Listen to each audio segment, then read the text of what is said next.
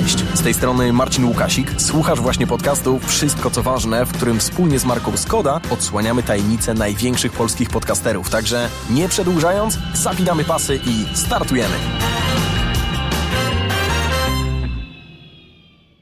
Dzień dobry moi drodzy. Dzisiaj moim, a przede wszystkim waszym gościem w podcaście Wszystko co ważne jest człowiek, który setkom gości zadał tysiące pytań, a dzisiaj mam wrażenie, że rol się troszkę odwrócą. E, I lekkostronniczy, i imponderabilia, mhm. słowo, które mam wrażenie, że wiele osób wywróciło się na nim troszkę specjalnie to zrobiłeś, ja tak mam z tyłu głowy. Karol Paciorek jest z nami. Nieprawda, wszystko to, wszystko to jest jeden wielki przypadek, zbieg okoliczności. E, entropia, kosmos i tak dalej. No dobrze. Dzień dobry. A jak dużo osób wywróciło się na słowie imponderabilia? Trochę. W sensie chodzi ci o wymowę, tak? Chodzi mi o to na przykład, jak trzeba powiedzieć, że dzisiaj nie mogę się spotkać, bo idę na nagranie do imponderabiliów. A, no to mówią, że idą do paciarka, albo że idą do tego człowieka, do którego wysłał ich mój agent. Okej. Okay. I wydaje mi się, że to było najczęściej, zwłaszcza w, w przypadku ludzi, którzy e, powiedzmy, że ten kontakt z internetem mają e, okazjonalny, no nie wiem, aktorzy, e, reżyserzy, politycy. To, to, to, nie są ludzie, którzy, wiesz, siedzą i słuchają podcastów 247, jednak tylko zajmują się swoją pracą. E, I często ich wysyłają do mnie właśnie ich agenci, menadżerowie w ramach promocji tego czy innego, więc, więc tak bywa. Ale z drugiej strony powiedziałbym, że duża część osób paradoksalnie um, zwróciła uwagę na nazwę pozytywnie, w takim sensie, że e, albo sprawdzili, albo wiedzieli, co ona oznacza okay. i powiedzieli, że o, to, cieka to ciekawe. E, rozumiem, że lubi pan mieć nazwę, która coś mówi. Hmm. Karolu drogi, y, w podcaście y, Wszystko co ważne staramy się pokazać trochę taki, taką kuchnię, taki backstage y, podcasterów, ale zawsze zaczynamy od tego samego pytania, niezależnie kto jest gościem, więc tutaj parytety nie grają roli. Karolu drogi, czego słuchasz w samochodzie? Podcastów bardzo dużo podcastów nadganiam w samochodzie i podczas ruchu, tak naprawdę, bo to są te takie dwa miejsca, gdzie no, zwykle jestem sam, ewentualnie w samochodzie bywam jeszcze z żoną i z psem, no to tutaj musimy już ustalić wspólną wersję, czego słuchamy, żeby to było ok. Więc bardzo dużo słucham podcastów w samochodzie i wydaje mi się, że pierwsze miejsce, absolutnie. Potem byłaby muzyka z jakiegoś streamingu, Um, a potem to byłyby różnego rodzaju, ale też podcastowe odnogi radia, bo takiego radia linearnego, wiesz, po prostu FM, to prawie nie słucham. Słucham teraz radia FM, bo dość często zacząłem używać mm, e, samochodów, e, wiesz, takich, które można z ręki do ręki sobie wziąć, wiesz, wsiąść i jechać gdzieś. Mhm.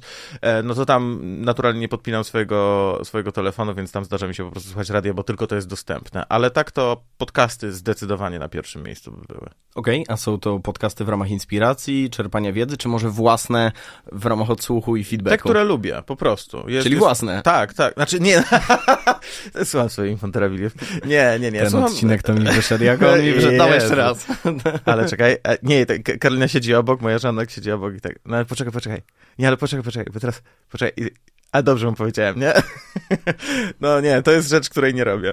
Okej, okay, ale a jak duży jest to problem? W sensie, może, może zakładam, ale mhm. moja, moja teza gdzieś jest taka, że jak jeszcze odsłuch ten samemu nie jest taki cringe'owy, nie? Ale jak ktoś siedzi obok, to jak mocne jest to uczucie, czy mu się spodoba, czy się nie spodoba? Masz coś takiego? Na pewno miałem. Teraz mam tego mniej, ponieważ y, chyba już przekroczyłem ten poziom takiego przejmowania się sobą. Okej. Okay. To znaczy, nie myślę o tym, jak wiele razy coś powiedziałem w pewnym cudzysłowie, dobrze, źle, śmiesznie, wyszło głupio, wyszło fajnie. Um, Czy to poszło i po już? Po prostu dużo, tak, dużo tych, tych rzeczy zrobiłem. Nie chcę, żeby to brzmiało tak bardzo, wiesz, jakbym był zblazowanym, już zmęczonym tą pracą człowiekiem. Bardziej chodzi o to, że, bo, bo taka emocja, która towarzyszy tworzeniu jakiegoś tam nagrania, jakiegoś dzieła, e, bywa też angażująca trochę za bardzo. Nauczyłem się tego od, e, od jednego z moich absolutnie takich mistrzów, jeżeli chodzi o, o stare dzieje telewizji, ale powiedzmy, że pewne zasady się pokrywają, czyli od Craiga Fergusona, który prowadził Late Late Night Show w amerykańskiej telewizji CBS. Od niego trochę i od trochę od amerykańskich stand-uperów, bo oni też dość podobnie to uskuteczniali. On prowadził cztery odcinki w tygodniu przez chyba sześć, on zrobił ponad grubo, ponad tysiąc wieczorów takich, wiesz, godzina programu, dwójka gości, stand-upy i tak dalej.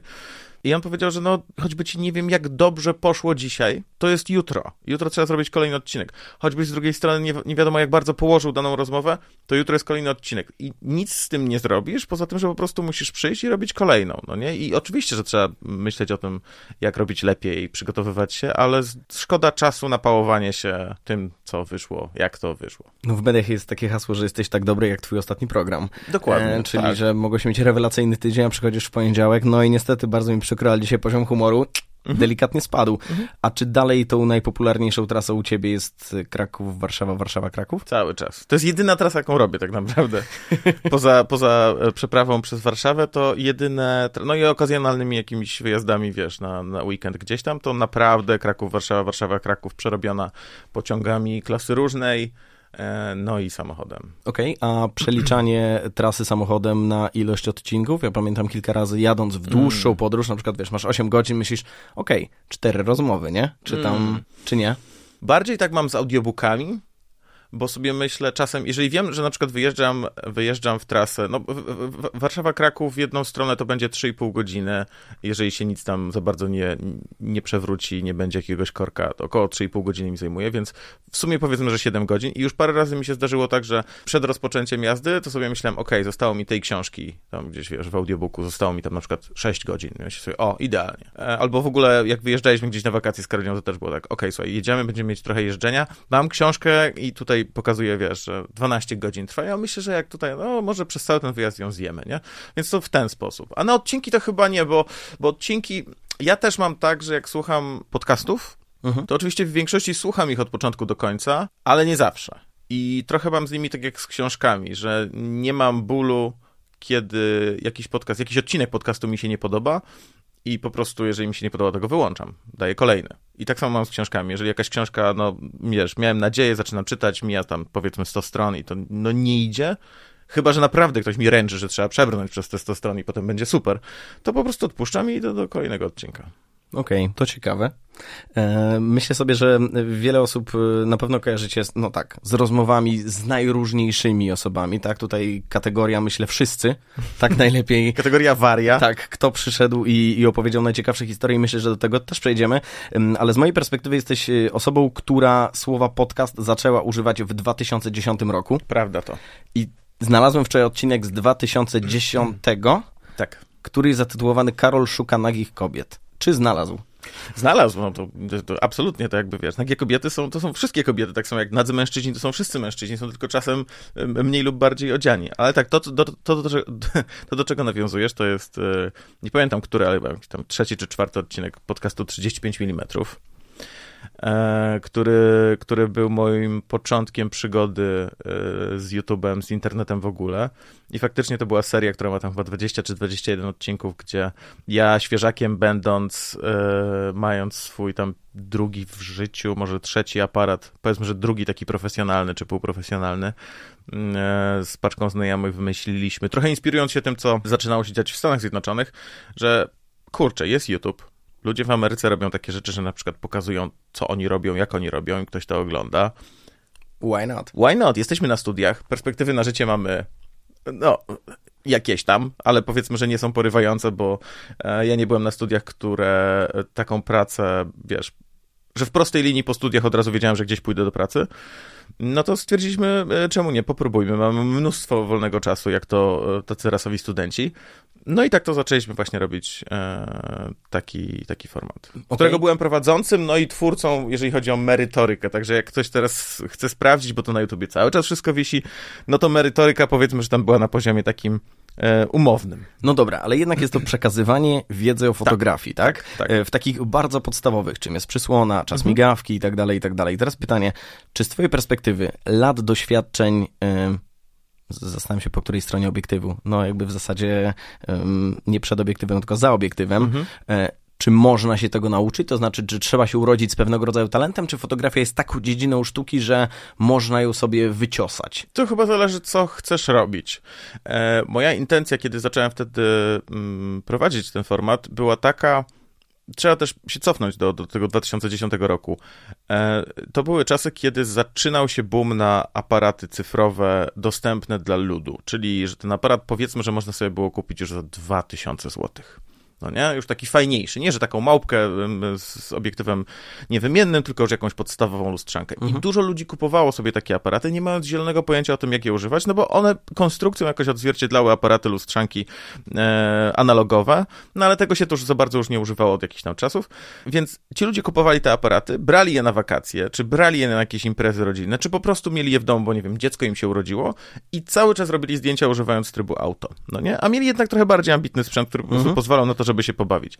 Więc moją intencją wtedy było to, żeby pokazać im, słuchaj, jak przełączysz tu, to ci się stanie to, jak przełączysz to, to ci się stanie to, jak, jak pobawisz się tą dziurką, która się nazywa przysłona, to ona rozmyje bardziej tło, nie rozmyje bardziej tło, będzie ciemniej, jaśniej, jak podbijesz ISO, możesz robić nocą, no ale jak za bardzo podbijesz, no to to będzie ziarno na zdjęciach. Natomiast to, co się z tymi ludźmi mogło wydarzyć dalej, czyli czy ten ktoś, kto trochę się pobawił swoim aparatem. Stwierdził, że okej, okay, umiem wystarczająco, żeby zabrać sobie aparat na wakacje i będę zadowolony z tych zdjęć, które przywiozę, to ja już jestem zadowolony. Ale być może część z nich miała właśnie to coś, o czym mówisz i pomyślała, wow, ale mi się to podoba. Ale kurde, czat, ale lubię robić zdjęcia e, mojemu dziecku, albo nie wiem, pieskom, albo kwiatkom, albo lubię robić portrety, albo po prostu kocham sobie rozstawić, iść sam w góry, rozstawić aparat na statywie i robić zdjęcia gór to mnie po prostu jara. No to, no to to jest już coś, co, co jest chyba indywidualne, czyli takie, że wiesz, że po prostu masz to, że podoba ci się dany obraz,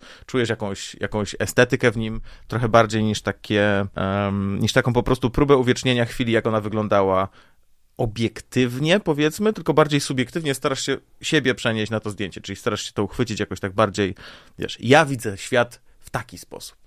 Okej, okay. a pamiętasz swoje mm, fotograficzne inspiracje? No bo jednak y, myślę sobie, że w tym procesie zdobywania wiedzy ważne są inne osoby. Patrzysz na kogoś i mówisz, okej, okay, nie kopiuję, mm-hmm. ale on robi fajnie, chciałbym mm-hmm. robić tak samo. Mm-hmm.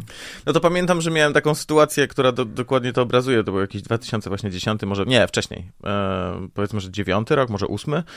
E, w Krakowie jest coś takiego, co się nazywa Miesiąc Fotografii, chyba nadal to jest i wtedy już robiąc trochę właśnie zdjęcia amatorsko, poszedłem na przegląd y, portfolio. Można sobie było wykupić właśnie bilet i mając wydrukowane zdjęcia, tam kilka osób przeglądało te twoje zdjęcia i, i mówili ci, wiesz, fajne, niefajne, o, co popraw. Tak. Ciekawe I tam było kilka osób, e, między innymi e, e, spośród całego tego grona pamiętam Mikołaja Komara, czyli naczelnego Kamaga. Mm. Do dzisiaj on Do między dzisiaj. innymi, tak, on między innymi te zdjęcia przeglądał. E, I co prawda nie on, ale inny pan, który, który te moje zdjęcia właśnie zapytał mnie podczas przeglądania, kto, czyje zdjęcia lubię. No i ja wtedy powiedziałem, że tam Richarda Avedona, Helmuta Newtona, mm, portrecistów głównie takich. Uh-huh. I on powiedział, no i super, jeżeli to lubisz, jeżeli tych, tych gości lubisz, to pamiętaj o jednej rzeczy, oni nie żyją a ty żyjesz. Więc jeżeli podobają ci się ich zdjęcia, to spróbuj. Czyli oni już nie mogą robić więcej zdjęć. To miał na myśli. Okay, okay. to miał wyraził to bardzo dosadnie. Tak, wyraził to bardzo dosadnie. E, oni już nie mogą robić zdjęć, oni już mają zamknięte portfolio. Ty możesz robić zdjęcia. Jeżeli podobają ci się ich fotki, ich stylistyka, to spróbuj robić tak jak oni, a potem jakąś swoją pracą, doświadczeniem, wiesz, też technologią, która się jednak zmieniła, możesz iść dalej, możesz próbować wypracować swój styl. Ja uważam, że w ogóle wypracowywanie stylu przez najpierw e, kopiowanie, no to jest chyba taka ścieżka, którą najwięcej osób podąża. To jest ścieżka moim zdaniem Jakaś bardzo taka słuszna. domyślna, nie? Taka domyślna ścieżka, tak. Jak robisz zdjęcie, to podoba ci się e, ktoś, najpierw spróbuj zrobić jak ten ktoś, tylko że naprawdę, w sensie naprawdę spróbuj zrobić jak ten ktoś, naprawdę spróbuj odzwierciedlić tę technikę. Zobacz, jak ten ktoś robił, no nie? Jakby na czym polegało to oświetlenie, którego on używał. Co było tym trikiem, którego wyróżniał. Jeżeli to ci się uda zrobić, to jestem przekonany, że to będzie tyle lekcji odrobionych, że będzie ci dużo łatwiej wypracować swój własny styl. No myślę sobie, że takie kopiowanie jeden do jeden często jest nawet dużo trudniejsze mhm. E, i, i, mam z tyłu głowy wielo, mnóstwo różnych takich instagramowych spotów, tak? E, w różnych turystycznych miejscach, gdzie po prostu A, ludzie oczywiście. starają się zrobić takie samo zdjęcie, tak. co mówmy się, jest mega trudne, mhm. żeby jeden do jeden wszystko, wiesz, odbić. A powiedz mi, masz teraz, nie wiem, ulubioną technikę. Widziałem, że teraz goście twojego programu e, z kolei e, z, tak, z takiej tradycyjnej sesji zmieniłeś to na analog. Czy to jest powrót do takiego trochę tradycyjnej fotografii? Mm, teraz robię tak, że no bo faktycznie moja fotografia obecnie tak praktycznie sprowadza się do trzech odnóg. Jedna to jest robienie zdjęć sobie głównie telefonem, kiedy potrzebuję na Instagram e, do celów różnych. Druga odnoga to jest właśnie robienie e, portretów moim gościom, które służą głównie jako miniaturka na, na YouTube. Mhm. E, I, I to są zdjęcia cyfrowe, które robię, e, robię aparatem cyfrowym i tam mam taki dość kompaktowy setup, który jest trochę wymuszony przez okoliczności przyrody. W sensie to, że moje studio ma takie, a nie inne wymiary. Kiedy gość przychodzi na rozmowę, ja zawsze robię zdjęcia po rozmowie, mhm. jak, jak, już nagramy. E, to zwykle jest tak, że o, wszyscy się nagle orientujemy, o mój Boże, ile czasu minęło i tutaj już trzeba uciekać. Już. Więc ja wiem, że nie mam za dużo czasu, żeby zrobić to zdjęcie po nagraniu, więc ten setup jest dość kompaktowy, no ale zawsze te, te, te dodatkowe 5 minut, bo to jest dosłownie tyle. No właśnie miałem pytać, że ten... To jest ten... dosłownie 5 okay. minut, tak. To jest tak, że nawet jak ktoś mówi, no to ja już zamawiam taksówkę, ja mówię, spoko, to zamów, mi to wystarczy, żeby zrobić ci zdjęcie, które dwa potrzebuję. Uśmiechy. Tak, dwa uśmiechy albo, albo, albo ich brak. E, jeżeli jest trochę więcej czasu, to jeszcze robię moim gościom zdjęcia polaroidem. Takim polaroidem, polaroidem prawdziwym, który, który sobie kupiłem na jesieni zeszłego roku. E, I to są zdjęcia, które no, no, są analogowe z definicji, są unikatowe również z definicji, bo, bo, bo, jest tylko po jednej odbitce e, każdego.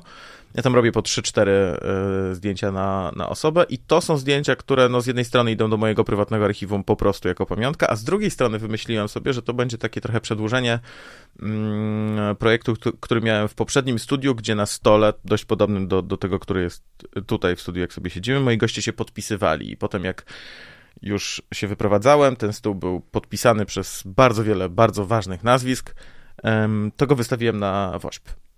I tutaj pomyślałem, że zrobię coś podobnego w pewnym momencie, że będę robił właśnie po kilka odbitek moim gościom i potem zrobię taki jeden album, mhm. gdzie będzie po jednym zdjęciu i to też wystawię Fajne. prawdopodobnie na WOŚP za jakiś czas. Kiedy to będzie? Nie wiadomo.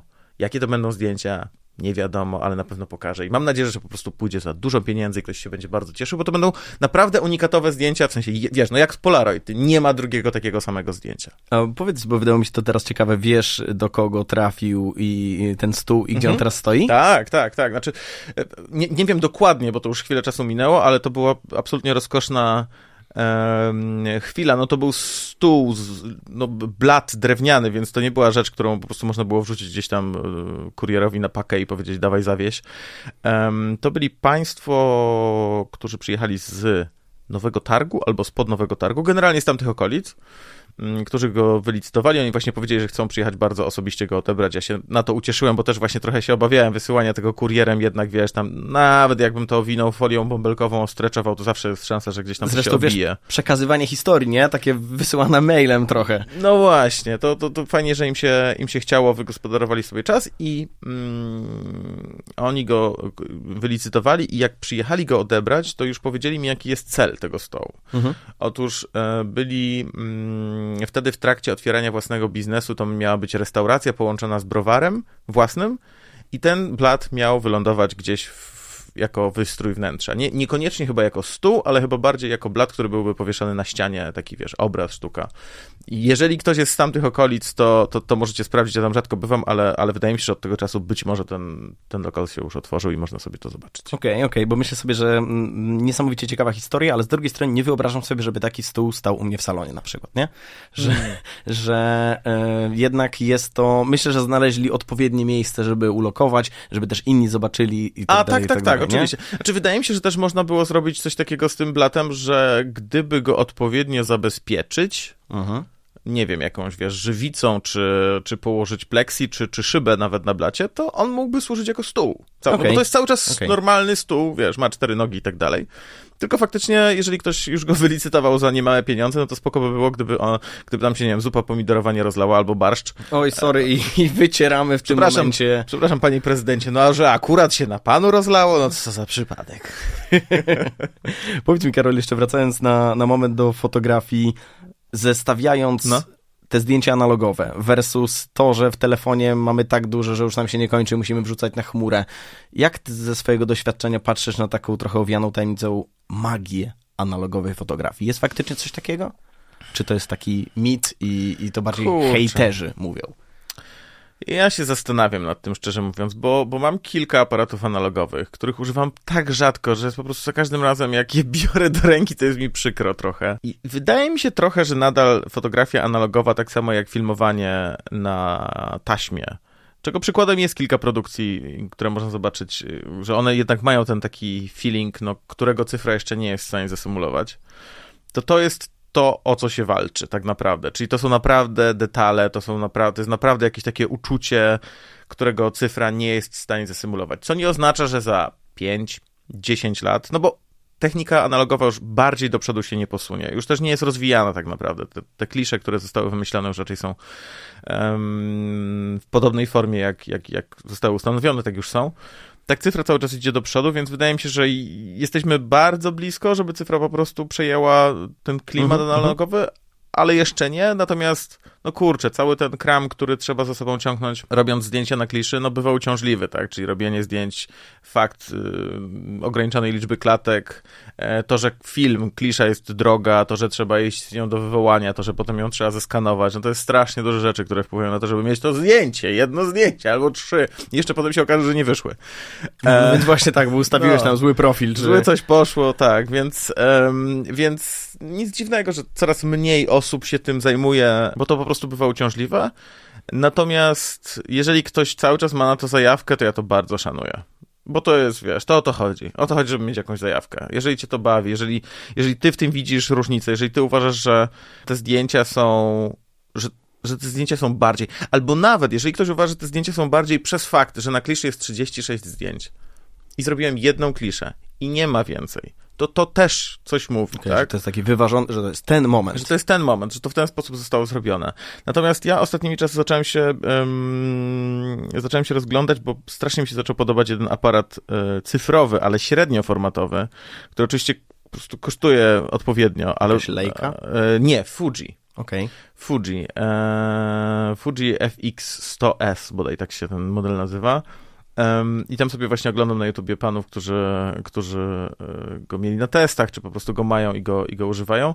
To oni z kolei powiedzieli coś bardzo ciekawego, przynajmniej jeden z nich powiedział coś takiego, że mm, przez to, że to jest średni format, on też ma swój klimat wynikający z, z wielkości sensora, w sensie te zdjęcia wyglądają po prostu e, trochę inaczej, zniekształcenia są mniejsze, ziarno jest mniejsze, jest bardziej naturalne, ale ponieważ da się do niego podpiąć nie tylko te obiektywy, które Fuji do niego robi tak normalnie i, i że tak powiem, out of the box sobie je można zapiąć, mhm. ale da się też do niego wpiąć szkła analogowe, takie stare właśnie, okay, albo od jakiegoś... konwerter. Tak, jest konwerter, można od jakiegoś Pentaxa założyć, można chyba jakieś obiektywy lejki, nie wiem, no nie miałem go sam w rękach, ale generalnie można starego typu obiektywy do niego podpiąć i ponoć kiedy się zrobi zdjęcie właśnie nim i kiedy się wywoła odbitkę na przykład czarno-białą, bo wydaje mi się, że na czarno-białej to najbardziej wychodzi z kliszy, na przykład z jakiegoś pentakona, to nawet zajawkowicze analogowych się mylą. Więc jeżeli ktoś, kto siedzi dużo na, na, na kliszy, jednak ma to oko wyrobione i po prostu, wiesz, no czuje cyfrę, widzi, widzi patrzy na zdjęcie i mówi, ach, to kanonem było robione, a tutaj się daje nabrać, okay to znaczy, że ta technologia naprawdę musiała pójść do przodu. Ale y, zaznaczam, no mówimy o aparacie, który kosztuje kilkadziesiąt tysięcy, więc to też, no jakby...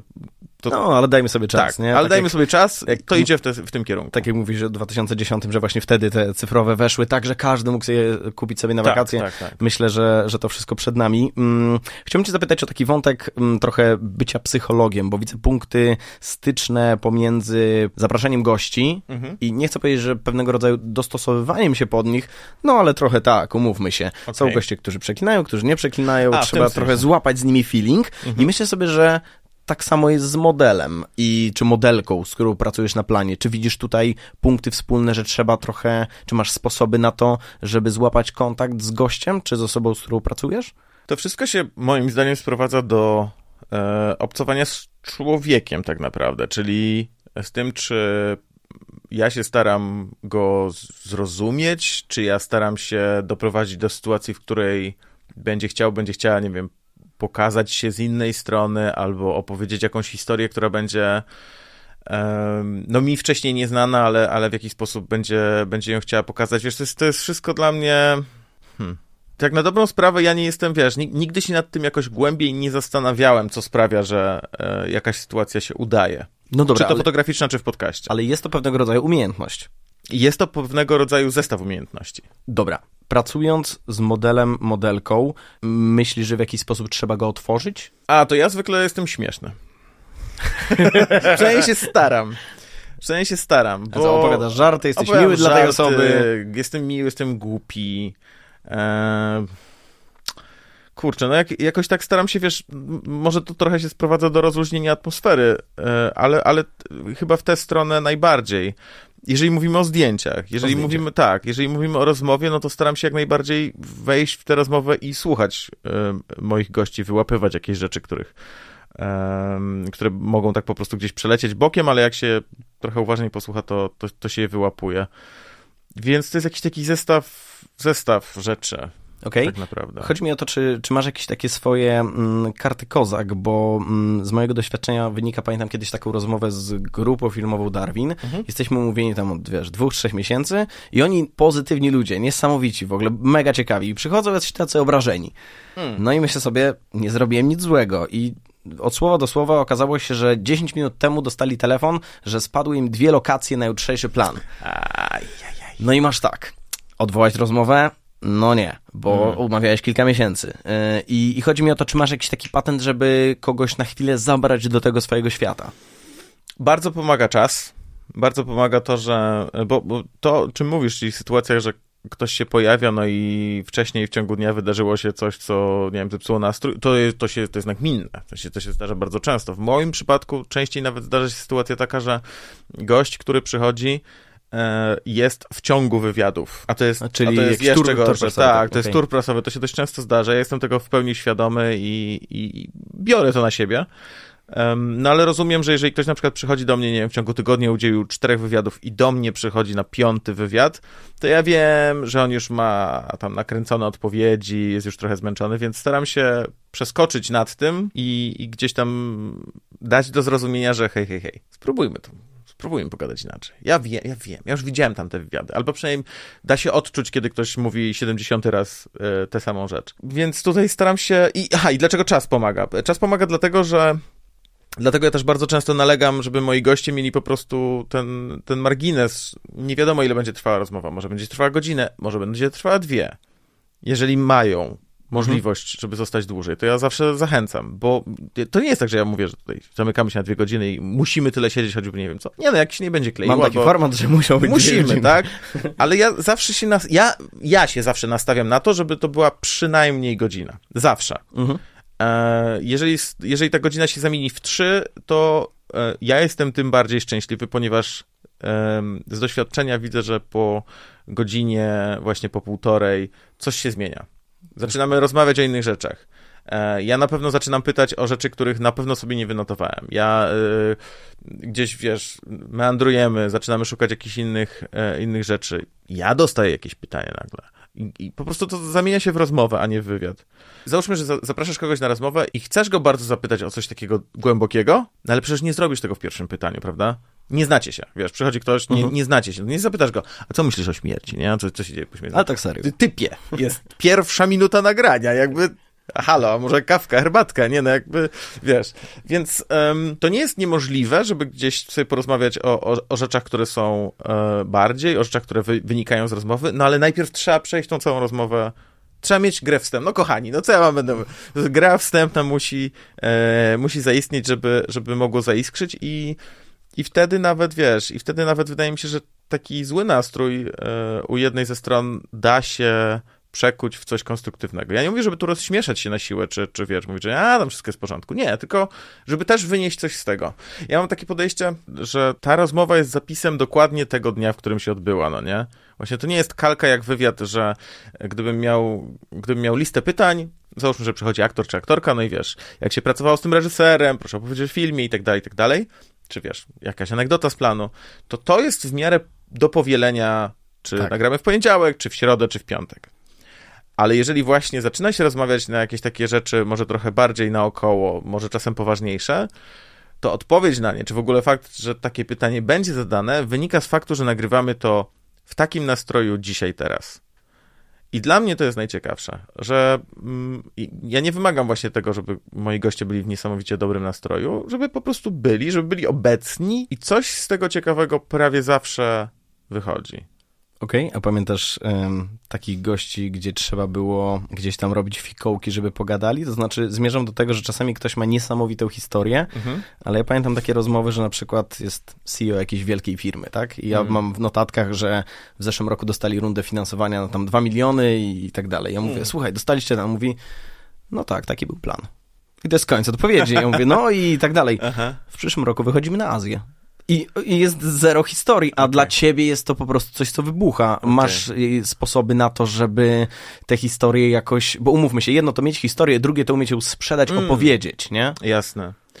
Um, czy, czy nie wysilasz się, myślisz sobie, okej, okay, ten gość odpowiada w ten sposób, to tak będziemy gadać? Chyba tak. Jeżeli ktoś na zadane pytanie, albo na na przykład na dwa czy trzy pytania odpowiada właśnie krótko, lakonicznie i... Bo ja nie wiem, czemu on tak odpowiada. No nie, nie wiem czemu, z czego to wynika, że stwierdził, że powie, no wychodzimy na Azję, kropka. Okej. Okay. Może, wiesz, może być dlatego, że nie chce ujawniać jakichś tajemnic, może dlatego, że jest już tak pieruńsko zmęczony e, tym wchodzeniem na Azję, że po prostu on już wychodzimy na Azję, jakby błagam, wyjdźmy już na Azję. No dobra, e, ale drobna I... gwiazdka zgodził się na rozmowę. On wiedział, że przyjdzie o tym pogadać. Tak, ale nadal mogło się wydarzyć e, to, że złapał e, gumę, jak jechał do studia i ma po prostu zły nastrój.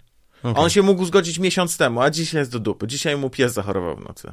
I po prostu on się obudził rano, wypił tę kawę, ogolił się, ale myśli sobie, ja pierdzielę, jaki to błąd, że dzisiaj, ale mi się nie chce. E, więc jeżeli on odpowiada lakonicznie na jedno czy dwa pytania, bo załóżmy, że, załóżmy, że jakiś temat, który, na który ja się nastawiałem, będzie omijany przez jakiś czas albo w ogóle, no to ja nad nim przelatuję w takim razie. Nie, nie, raczej nie robię tak, że no ale tu co się stało, bo wydaje mi się, że zwykle to powoduje Zwykle, nie zawsze, ale powoduje takie, że jeszcze bardziej, no ale to co dopytujesz, nie? No idziemy na Azję, daj spokój. Raczej staram się pójść dalej i może wrócić do tematu, jeżeli będzie, jeżeli nagle się okaże, że e, gdzieś tam, wiesz, naokoło rozmawiając, to ma więcej sensu. Ale też doświadczenie uczy mnie, że mimo, że mi się coś wydawało na kartce, że to będzie super ciekawe, to w rozmowie mogą się pojawić takie wątki, których nie miałem na kartce i o których nie pomyślałem, które są ciekawsze. I ja na to się otwieram, czyli nie, nie spinam się tymi notatkami, które mam. Moje ulubione rozmowy są wtedy, jak prawie w ogóle w nie nie zerkam. Bo zawsze mam tak, że zerkam w końcu w notatki, zwłaszcza gdzieś tam pod koniec rozmowy, jak już wiem, że wiesz, widzę po gościu, że jest zmęczony, albo widzę, że upłynął już tyle czasu, naprawdę musimy kończyć. Albo wiesz, krople potu nam spływają po twarzy. Albo ty już masz dosyć. Albo mi się chce strasznie siku. Um, i, I zerkam sobie na, na, na, moją listę notatek i wtedy, i wtedy dopiero, wiesz, ewentualnie przypominam sobie, o Jezu, strasznie chciałem zapytać o to, nie? To jeszcze tam, wiesz, nadganiam, bo te rzeczy, które gdzieś tam... Ale najbardziej rozmowy, w których nie zerkam na kartkę prawie w ogóle, to są moje ulubione, bo one sprawiają, że nikt z nas, bo jeżeli ja nie zerkałem e, na kartkę, to znaczy, że ja byłem zainteresowany i to znaczy, że mój gość musiał być zainteresowany. Czyli nie, było, nie była potrzebna żadna dodatkowa pomoc e, do tego, żebyśmy sobie po prostu fajnie porozmawiali, ciekawie, znaczy, to nie, to nie oznacza, że musiało być miło, ale to znaczy, że musiało być ciekawie. Okej, okay, okej. Okay. Trzymając się tego e, mhm. y, wątku rozmów, y, z uwagi na to, że w podcaście wszystko co ważne, staramy się pokazać y, te sytuacje podcasterów, kiedy gaśnie ta czerwona lampka przysłowiowa. Mhm. Powiedz mi, pamiętasz taką rozmowę, do której research trwał najdłużej? U mnie research nigdy nie trwa jakoś strasznie długo. Dlatego, że znaczy trwa czasem, nie? Bo jeszcze coś... Wiesz, czasami trzeba przeczytać jakąś książkę, chyba, że A, tego nie no, robisz. Nie, no robię, robię, ale to, to nie jest research chyba jednak, bo to jest po prostu czytanie książki, no to, no, ta, znaczy no ta, no technicznie można to nazwać researchem, ale dla mnie research to jest takie siedzenie gdzieś tam w necie i wyszukiwanie rzeczy, e, które jakoś mogą pomóc mi w na przykład zadawaniu danych pytań, albo też nie zadawaniu danych pytań, bo już dany temat mm -hmm, był przerobiony na siódmą stronę. Co do książki, filmu, to absolutnie masz rację. Jeżeli tylko mam możliwość, to oczywiście to oglądam i czytam, ale też mam trochę taką zasadę, którą lubię w całym tym procesie, że nie lubię być zbyt dobrze przygotowany na gościa. Lubię się zaskoczyć. Więc trochę wracając do twojego pytania, no oczywiście mam tak, że to, to jest zwykle kilka dni przygotowywania się do, mm, do mojego gościa, ale nigdy, znaczy nie wymieniłbym tutaj osób, do których przygotowywałem się wybitnie długo, że to trwało nie wiadomo ile. Nie. Okej, a trzymając się tych postaci, bo było ich całkiem sporo najróżniejszych, z racji, że w sytuacji negatywnej było bez nazwisk, to w pozytywnej potraktujmy to z nazwiskami. Pamiętasz takie osoby, które gdzieś tam szczególnie pozytywnie cię zaskoczyły, albo może goście, z którymi się, nie wiem, zaprzyjaźniłeś? Tak zupełnie serio, y, y, ja, kurczę, ostatnio się nad tym zastanawiałem, bo ja mam takie wrażenie, że ja, jeżeli chodzi o nawiązywanie znajomości, to zbyt mocny nigdy nie byłem, takich znajomości, znajomości. Mimo, że poznałem bardzo wiele osób, to nie jest tak, że jakoś strasznie... Nie, nie, mi nie Bardzo. chodzi o to też, że teraz ziomkujesz się ze wszystkimi gośćmi, oni No, no, mówią, no, bo tak na pewno piszą nie co roku, ale to był świetny odcinek. Ale było rewelacyjne. No. Em, świetnych rozmów, czy rozmów, które dobrze wspominam, jest naprawdę dużo. Wydaje mi się, że zdecydowana większość. Większość albo zdecydowana większość to są rozmowy, które wspominam dobrze. Czyli dowiedziałem się czegoś ciekawego o sobie, ta osoba mnie zaskoczyła w jakiś sposób, ta, ta dana rozmowa była jakoś challenge'ująca. E, udało mi się, albo przynajmniej wydaje mi się, że udało mi się pokazać jakiś nowy element, e, nową twarz tej osoby. To, to dość często się zdarzało. Ale widzisz, to trochę wracając do tego, o czym gadaliśmy na początku, czy, czy, czy, czy jaki mam stosunek, wiesz, jak rozmowa wy, wyszła, czy nie wyszła, ja tego nie rozpamiętuję. W sensie nie myślę o tym za dużo. Jeżeli ktoś mi powie, że lubi jakąś rozmowę, wiesz, po prostu, e, że to było fajne, to ja sobie wtedy przypominam, o, faktycznie, to było spoko, ale kurczę, jakoś tak, wiesz, nie- bardzo mało sięgam pamięcią do tego, żeby sobie przypomnieć, a, kurde, no to tutaj żeśmy... To się faj- Karol popisał. to fajnie poszło, tutaj ktoś mi powiedział coś, coś, coś ciekawego, albo wiesz, albo, albo, bo to się zdarza czasem, że wiesz, że gość mówi, ale fajna rozmowa, że podobało mi się, jak, jak gadałem, to ja to pamiętam w momencie wypowiadania tego zdania, a potem już zapominam i, i jakoś się nie, nie fiksuję na tej myśli. Mm, Panie Karolu, e, z uwagi na to, że w podcaście Słucham. wszystko co ważne, dla każdego z naszych gości mamy drobny quiz. Mhm. Mam dla ciebie dwa pytania i zadanie. Dobra. Czy jesteś gotowy, czy siedzisz wygodnie? Jestem gotowy, siedzę wygodnie. Powiedz mi, jak myślisz, ile minut łącznie został przesłuchany twój podcast od powstania? Żeby było łatwiej, mam trzy opcje odpowiedzi. Dawaj. Pierwsza to jest półtora. Czy nam się zera nie pokręciły? Nie pokręciły nam się bardzo dobrze, bo to tylko duże liczby się pojawiają. Półtora miliarda. Mhm.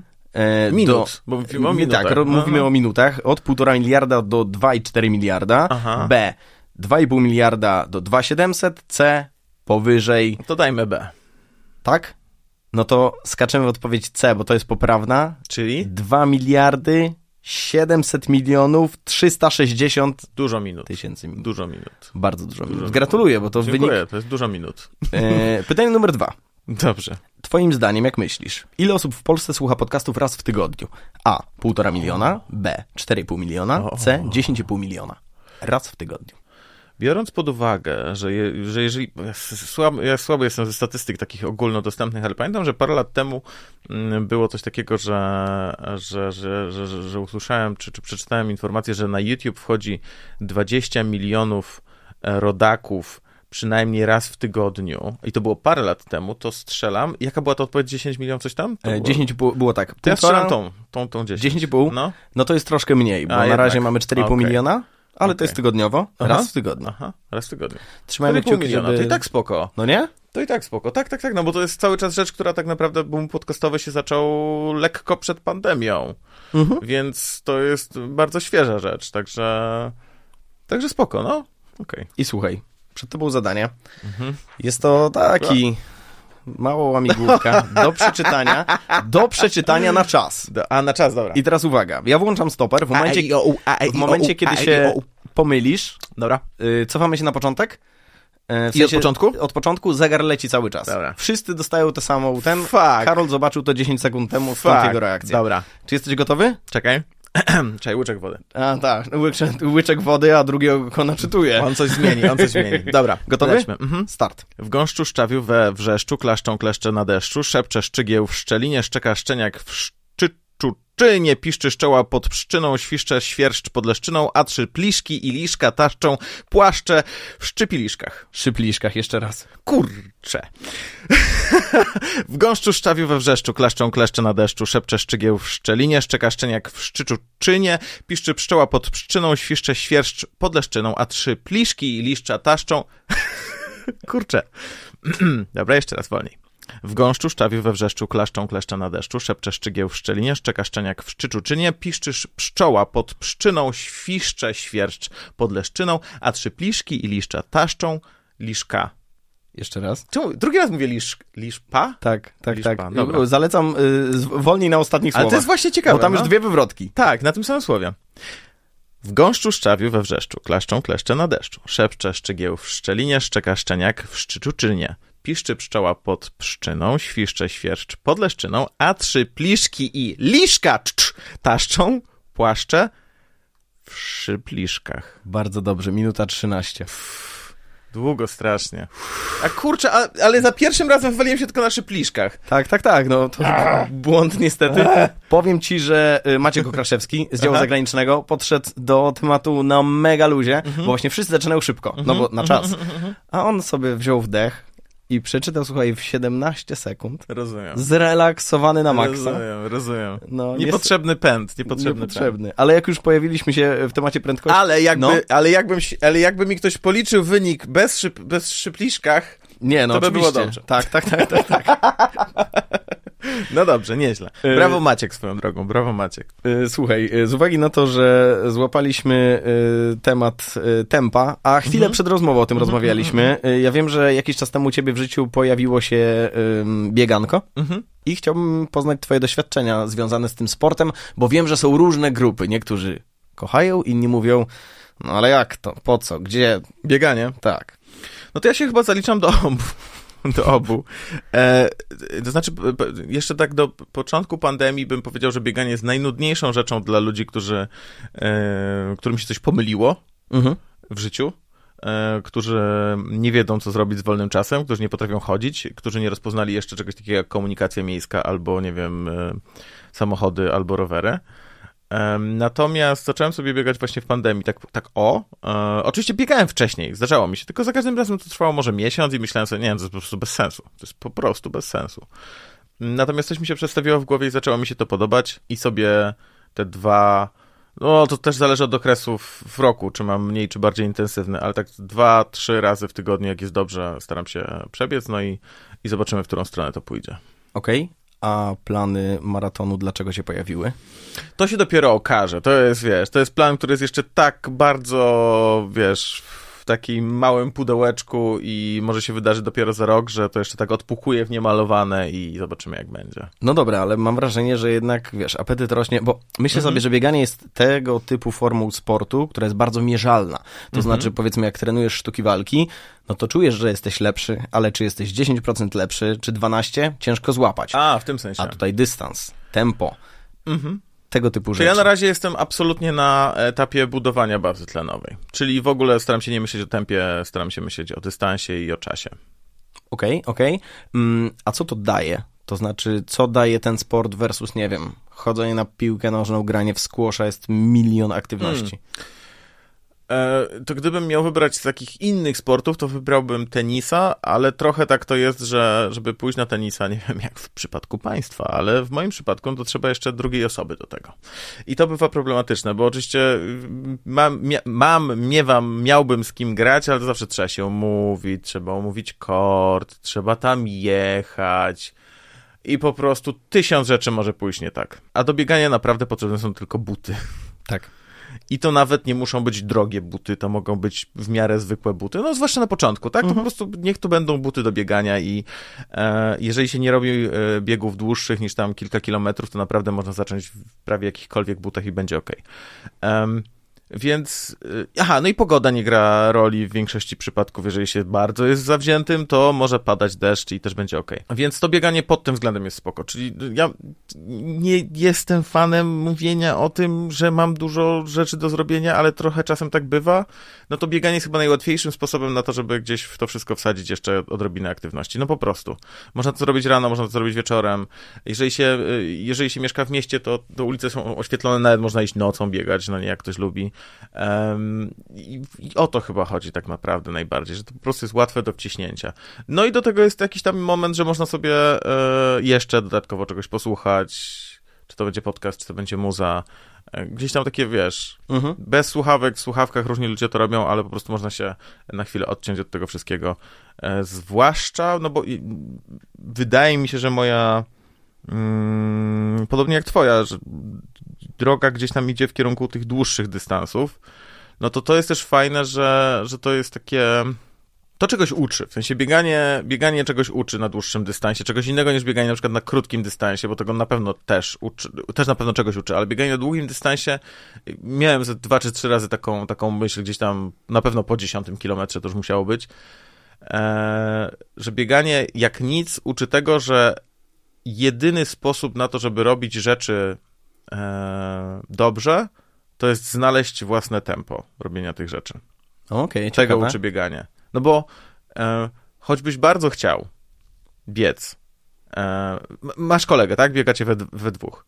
I choćbyś bardzo chciał biec w jego tempie, to prawdopodobnie no, macie różne tempa. Mhm. Nawet, być- jeżeli, nawet jeżeli jest zbliżone, Nawet, to są różne. Tak, I tak, im dalej będziecie biec, tym bardziej będziecie różnie biec, no bo te tempa są różne. Tak. E, I jeżeli ma być wam dobrze, jeżeli macie obaj dobiec do celu, no to musicie biec w swoich tempach. On nie będzie zwalniał dla ciebie na przykład, czy ty nie będziesz zwalniał, ani w drugą stronę. I wydaje mi się, że to jest naprawdę fajna lekcja w ogóle robienia rzeczy w życiu. Że trzeba znaleźć sobie swoje tempo w robieniu rzeczy. Jedna osoba będzie biegła po prostu 3.30. No ja nie biegnę 3.30. Ja bardziej biegnę 5 coś. okej. I po prostu no, obe, obecnie na razie biegnę 5 coś. Jeżeli będę biegał, jeżeli zbuduję bazę tlenową, to będzie piątka. Nie wiem czemu. Trochę tak mówiąc już stricte o bieganiu, e, wydaje mi się, że COVID to sprawił, bo ten COVID przeszedłem ze dwa razy, mm, że na przykład mi się trochę zmniejszyła pojemność płuc, i, bo, bo miałem takie, e, Mhm. taki okres, że biegałem poniżej 5, tak, że to było jakieś tam 4,45, 4 coś takiego i było spoko. Teraz nie potrafię. Teraz Okej. znowu muszę odbudowywać tę bazę trenową, żeby, żeby, żeby przebić piątkę. Mówię o dłuższym dystansie oczywiście, gdzieś tam 10 km i powyżej. E, ale wiem, że to jest możliwe, tak? Więc to jest znowu nauka. Aha, no i, i, i o co chodzi? Że, że nie jestem w stanie teraz, wiesz, wstać tutaj od ciebie i pobiec od razu 10 km wstępem 4,50. No nie, no nie ma szans, no nie ma opcji, po prostu, zwłaszcza w tym upale, który zależał.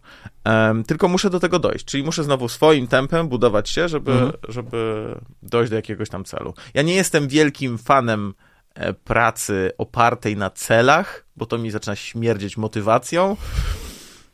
Ale wiem, że trochę czasem tak bywa, że inaczej się tego zrobić nie da. No, myślę sobie, że wyszła nam z tego trochę taka właśnie piękna, y, nie chcę powiedzieć definicja, ale jakieś takie odbicie właśnie do realizacji różnego rodzaju życiowych celów. Jedno, własne tempo. Drugie, y, trochę brak tego elementu rywalizacji, bo to co mówisz, chodzisz na tenis, no nie, i masz kogoś, jednak y, wynikową tego, jak się grało, jest to, czy wygrałeś, czy nie. A nie no, sklepać kumpla to jest zawsze, nie no, to jest 10 na 10, oczywiście, że tak. No właśnie, Super a, a sprawa. tutaj e, jakby ten pojedynek e, z samym sobą i też ostatnio widziałem takie bardzo ciekawe badania dotyczące kondycji, em, że w ciągu e, trzech tygodni, wyobraź sobie, że regularnie biegasz, robisz pauzę na trzy tygodnie i kondycja spada o 75%. Oczywiście, że tak. Tak samo szybko wraca. Mhm. Ale myślę sobie, że to jest jednak coś, co bardzo uczy człowieka takiej Tak. regularności. Tak, tak, tak, tak, tak, to doskonale o tym wiem, bo, bo mm, wiadomo, że na wiosnę, jak wiele osób, mam ten taki zryw. E, potem coś się wydarzy, nie wiem, wakacje, dużo pracy, mniej pracy, ale jakiś wyjazd i, i jest spadek i potem no po prostu trzeba wracać. To ta, tak, tak, tak. No myślę, że każdy, kto wykonuje jakiś sport, to doskonale o tym wie, że no nie do przeskoczenia. Jeszcze mm, płynąc troszeczkę do brzegu, Mhm. Tu będzie kichnięcie? Nie, nie, nie. Okej, dobra. O czym mówisz? Nie E, żadne- To wiesz, pytanie bardzo techniczne, nie? Nie, rozumiem. Um, zerkam w swoje notatki i, i chciałbym cię jeszcze zapytać o kontakt z Włodkiem. To znaczy, przy tej ilości, no to już, że tam nagrywamy jednego dnia, to wszyscy wiemy, chociaż bardzo mi się podobało budowanie tego napięcia przez lata, że to jest jednak nagrywane daily. Em, chodzi mi o to, czy pewnego rodzaju, em, jak wygląda wasza rozmowa poza kamerą, to znaczy, czy zachowując ten element świeżości, który pojawi się na antenie, nie mówicie sobie niektórych rzeczy, żeby O, potem tak. je wykorzystać? Tak, tak, tak. My bardzo mało w ciągu tygodnia rozmawiamy. Okej. o rzeczach, tak. Yy, to, to, to trochę to jest, wiesz, trochę to wynika z faktu, że mm, Włodek ma swoje inne rzeczy, ja mam swoje inne rzeczy do zrobienia. E, to trochę wynika z faktu, że on mieszka w Krakowie, w Warszawie i, i, wiadomo, że gdzieś tam ten kontakt jest tylko internetowy, ale przede wszystkim moim zdaniem wynika to właśnie z tego, że kiedy się spotykamy tego jednego dnia na, na nagranie, to, to mamy sobie coś do powiedzenia za każdym razem, tak? Mamy jakieś nowe rzeczy, czy to są tematy, które gdzieś tam zgromadziliśmy, czy to są rzeczy, które chcemy sobie po prostu opowiedzieć i zwykle zachowujemy je właśnie na nagranie. No nie? Czyli wiesz, przytrafiło mi się to i tamto nie będę ci tego opowiadał. Nie napiszę, wiesz. To, to, trochę tak się przerodziło się w taką ograniczoną komunikację w ciągu tygodnia, która jest bardzo Nie gadamy, techniczna. bo nagrywamy, nie? Tak, nie gadamy, bo nagrywamy. A powiedzmy sobie, jak będzie włączona kamera, bo no 1800 odcinków nagraliśmy, to jest dużo minut, to też by można było sprawdzić, to jest minut, to też jest dużo minut, mimo że odcinki są krótsze, więc yy, wiemy, że jeżeli chcemy zrobić dobry program, no to nie możemy się wystrzelać z tematów wcześniej, bo, bo potem no, zabraknie paliwa, po prostu. Okej, okay, dziękuję za odpowiedź. To jeszcze odhaczając mhm. y, dwa elementy. Y, krótkie, ale treściwe pytanie. Jak remont? Panie, że się wszystko... Wie, Czy musimy usiąść wygodniej? Się wszystko da naprawić. Że... O, widzisz, dobrze mi mówisz, za chwilę muszę, jak tylko skończymy, dzwonię do elektryka, bo mam ochotę do niego jechać e, i mu coś powiedzieć też niemiłego. E, nie, tak zupełnie serio. Remont jest git, jest... jest Okay. Mieszkamy w mieszkaniu, ale to jeszcze, no, pan elektryk musi przyjechać, zawiesić kilka lamp, dokręcić parę kontaktów. E, co on tam jeszcze musi zrobić? No, tam wiesz, gniazdka, niektóre są niewkręcone, jakieś takie rzeczy. No i przede wszystkim e, cały czas e, walczymy z, z panem, który zajmuje się meblami, bo jak się okazuje, stolarze mierzą czas inaczej. Mhm. I to z kim nie rozmawiam a propos remontu, to wszyscy mają tę samą intuicję, że no, stolarze mierzą czas inaczej. Oni chyba mierzą czas w słojach okay. e, drzew. Okay. Że jakby ten, ten jeden słój to jest taki jeden mebel, powoli, spokojnie. Domierzyć to trzeba, to nie można się spieszyć. Drze drewno nie lubi pośpiechu. Więc tak sobie czekamy, cały czas śpimy na materacu. Okay, e... Mieszkacie z ekipą remontową? W e, sensie ze stolarzami tak, chwilowo? Tak, tak, tak, tak. Wiesz, tam ktoś przychodzi rano, mówisz dzień dobry, kawki.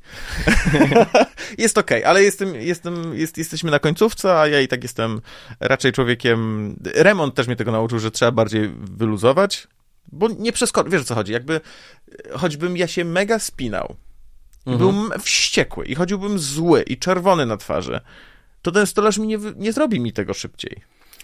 No, ja myślę... Nie, to, to trochę może, ale to szkoda życia.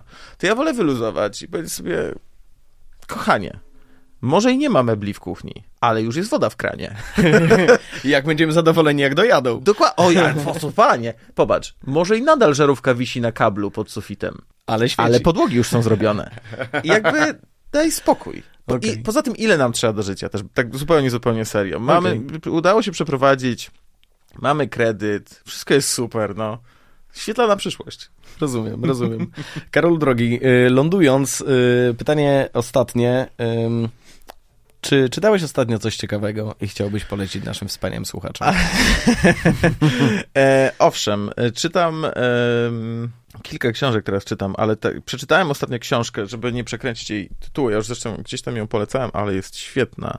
Każda historia o miłości Każda. Ja tutaj wpisuję w Google, proszę się nie. Każda historia.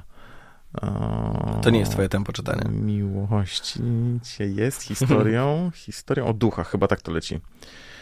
Um, każda historia miłosna jest historią o duchach. To jest um, biografia Davida Fostera Wallace'a, e, amerykańskiego autora. E, I, I ją napisał pan D.T. Max tak jest podpisane. Bardzo ciekawa, jeżeli, mm, jeżeli, jeżeli lubicie, to taka, no trochę, bio, znaczy no biografia, biografia ciekawego pisarza i to jest też bardzo fajne intro do e, najważniejszej książki Davida Fostera Wallace'a, która za chwilę będzie miała swoją polską e, premierę, w sensie tłumaczenie tej książki pierwszy raz po polsku. Jednej z takich w ogóle trudniejszych do przetłumaczenia w ogóle, niekończący się żart, która właśnie zaraz wyjdzie, którą też zaraz będę czytał i to bardzo polecam. E, czytam też książkę teraz e, Żywoty zwierząt, jak się możecie domyślać, też tutaj wpisuję szybciutko, żywoty zwierząt. Coś podobnego do tak. sekretnego życia drzew? Um, nie. Okay. E, sekretne życie drzew, z tego co wiem, bo nie czytałem tego, ale to jest bardziej opis tego, że e, drzewa są czymś więcej niż nam niż się wydaje, tak? tak? Że się komunikują, uh mhm. -huh. że mają. Tak, tak, tak. To tutaj to jest bardziej. To jest króciutka książeczka e, pana noblisty, który którego nazwiska nie za bardzo umiem wymawiać. John Maxwell Kece, Kyce, on jest z RPA i to jest bardziej taki traktat y, dotyczący tego, oczywiście pod rozwagę każdego czytelnika, dlaczego jemy zwierzęta i, i, i czy to ma sens. Okay. żeby je jeść, tak? To nie jest taki hard veganizm mm, wtłaczany do gardeł na siłę, że jeżeli jesz y, mięso, to jesteś złym człowiekiem. Nie, to jest bardziej wyważone. To jest w ogóle książka chyba z 2000 roku, więc ona już trochę lat ma, ale teraz wyszła, od 99, ale teraz wyszła po, po polsku w, e, w bardzo fajnym tłumaczeniu. No, więc to jest to ciekawa rzecz dla tych, którzy na przykład myślą e, o co tym wegetarianom czy weganom właściwie chodzi i sobie mhm. można przeczytać to, bo tam jest kilka, kilka spojrzeń na sprawę i to jest w ogóle ubrane w fikcję. To nie jest taki traktat, że on mówi, o, zwierzęta to i to. Nie, nie, nie, to jest ubrane, tam są bohaterowie, jest historia, więc fajnie jest to opakowane. E, I czytam jeszcze książkę, ale to już y, stricte przygotowując się do programu. E, I teraz, y, momencik, e, przygotowując się do programu nie znam tytułu, nie, ale topa. A gościem będzie ten, go... no jak mu tam... nie, właśnie, wiem, wiem, kto będzie gościem, ale w ogóle nie przeczytałem y, tytułu tej książki, bo gościem będzie Halszka Witkowska, która już u mnie była, mhm. e, która już u mnie była e, w, w programie. I ona napisała książkę. Była u mnie w programie w zeszłym roku mm, i będzie w tym roku również. Jeszcze, niech nie jeszcze wyskoczy jakieś kokienko. O! Książka jej e, ma tytuł Życie mimo, wszystko i to są rozmowy o samobójstwie, więc temat ciężki, trudny, e, ale ważny. Halszka zajmuje się w ogóle edukacją dotyczącą e, osób, które mają problem problemy psychiczne, e, które przeszły przez, przez kryzys związany z, z targnięciem się na swoje życie. Um, I zrobiliśmy rozmowę w zeszłym roku, w tym roku też zrobimy, bo 10 września jest Światowy Dzień Przeciwdziałania Samobójstwom, no jakoś tak to się pewnie nazywa. E, no i jako, że wydała swoją książkę, która tego tematu dotyczy, to ją właśnie czytam. Dobra, bardzo dobra, przekrojowa taka, taka rzecz y, dotycząca tego ciężkiego tematu, ale tak, żeby tylko to skończyć i trochę spuentować, dlaczego to jest ważne i co przeczytałem w tej książce, o czym się dowiedziałem, to globalnie na świecie w ciągu roku więcej osób ginie z własnych rąk niż w wojnach i w przypadku aktów terroryzmu. To ciekawe. Więc, a, a, a, o czym więcej mówimy, wiesz o co chodzi? W sensie, o czym, mhm. czego jest więcej w mediach, nie? No że i chyba w wypadkach. Kurczę, jakaś taka statystyka, zresztą to, bo mam to w notatkach, tak się przygotowuję właśnie do rozmów moich. E, w każdym razie, że to jest ogromna liczba, tak? Że to jest liczba przewyższająca inne dane, mhm. nad którymi częściej się pochylamy. Które tak? wydawałoby się, że są głośniejsze. Tak, bo cały czas mamy to w głowie, że samobójstwo to jest tabu, to nie można o tym mówić, że wiesz, jak o tym myślisz, to znaczy, że coś z tobą jest nie tak. A, a ja uważam, że no, jeżeli to jest problem, który dotyczy tak wielu osób, no to, to fajnie jest do niego podejść. Z głową oczywiście. Dziękuję Ci bardzo. Nie ja tylko dziękuję. za książkowe polecenia. Trzymam kciuki, żeby stolarze nie spali już w pokoju obok. Na szczęście u nas nie śpią, ale cały czas mamy zagracony salon ich rzeczami, tam pilarkami, wiertarkami, to wszystko stoi, tak. Jest okej. Okay. E, dziękuję bardzo. E, to był podcast Wszystko co ważne, e, który tworzymy wspólnie z marką Skoda. Wszystkie odcinki znajdziecie w serwisach streamingowych i oczywiście na YouTubie Skoda Polska. Do usłyszenia w środę za tydzień. Dziękuję Ci, Karolu. Dziękuję również. Do usłyszenia.